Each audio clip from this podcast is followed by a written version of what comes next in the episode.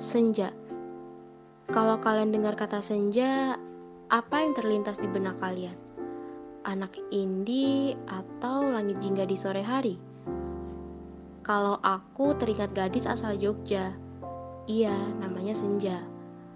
Dia punya banyak kisah menarik dan pelik yang dia tulis dalam sebuah catatan kecil bernama Garis Senja. Awalnya, Senja cuma anak muda biasa yang menjalani kuliahnya di kampus ternama sampai dia bertemu Angkasa, teman satu kelas senja dan juga anak rantau di Jogja.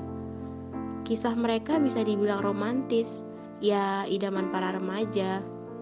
Kadang sebuah cerita mengalir begitu saja, tanpa sebuah nama untuk menyebutnya apa.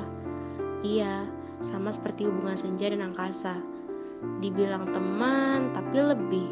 Dibilang kekasih, tapi kurang karena tidak ada yang berani maju satu langkah lebih dekat untuk merubah status di antara mereka. Rumit. Senja sering menangis semenjak kisahnya dan angkasa tidak berjalan dengan baik.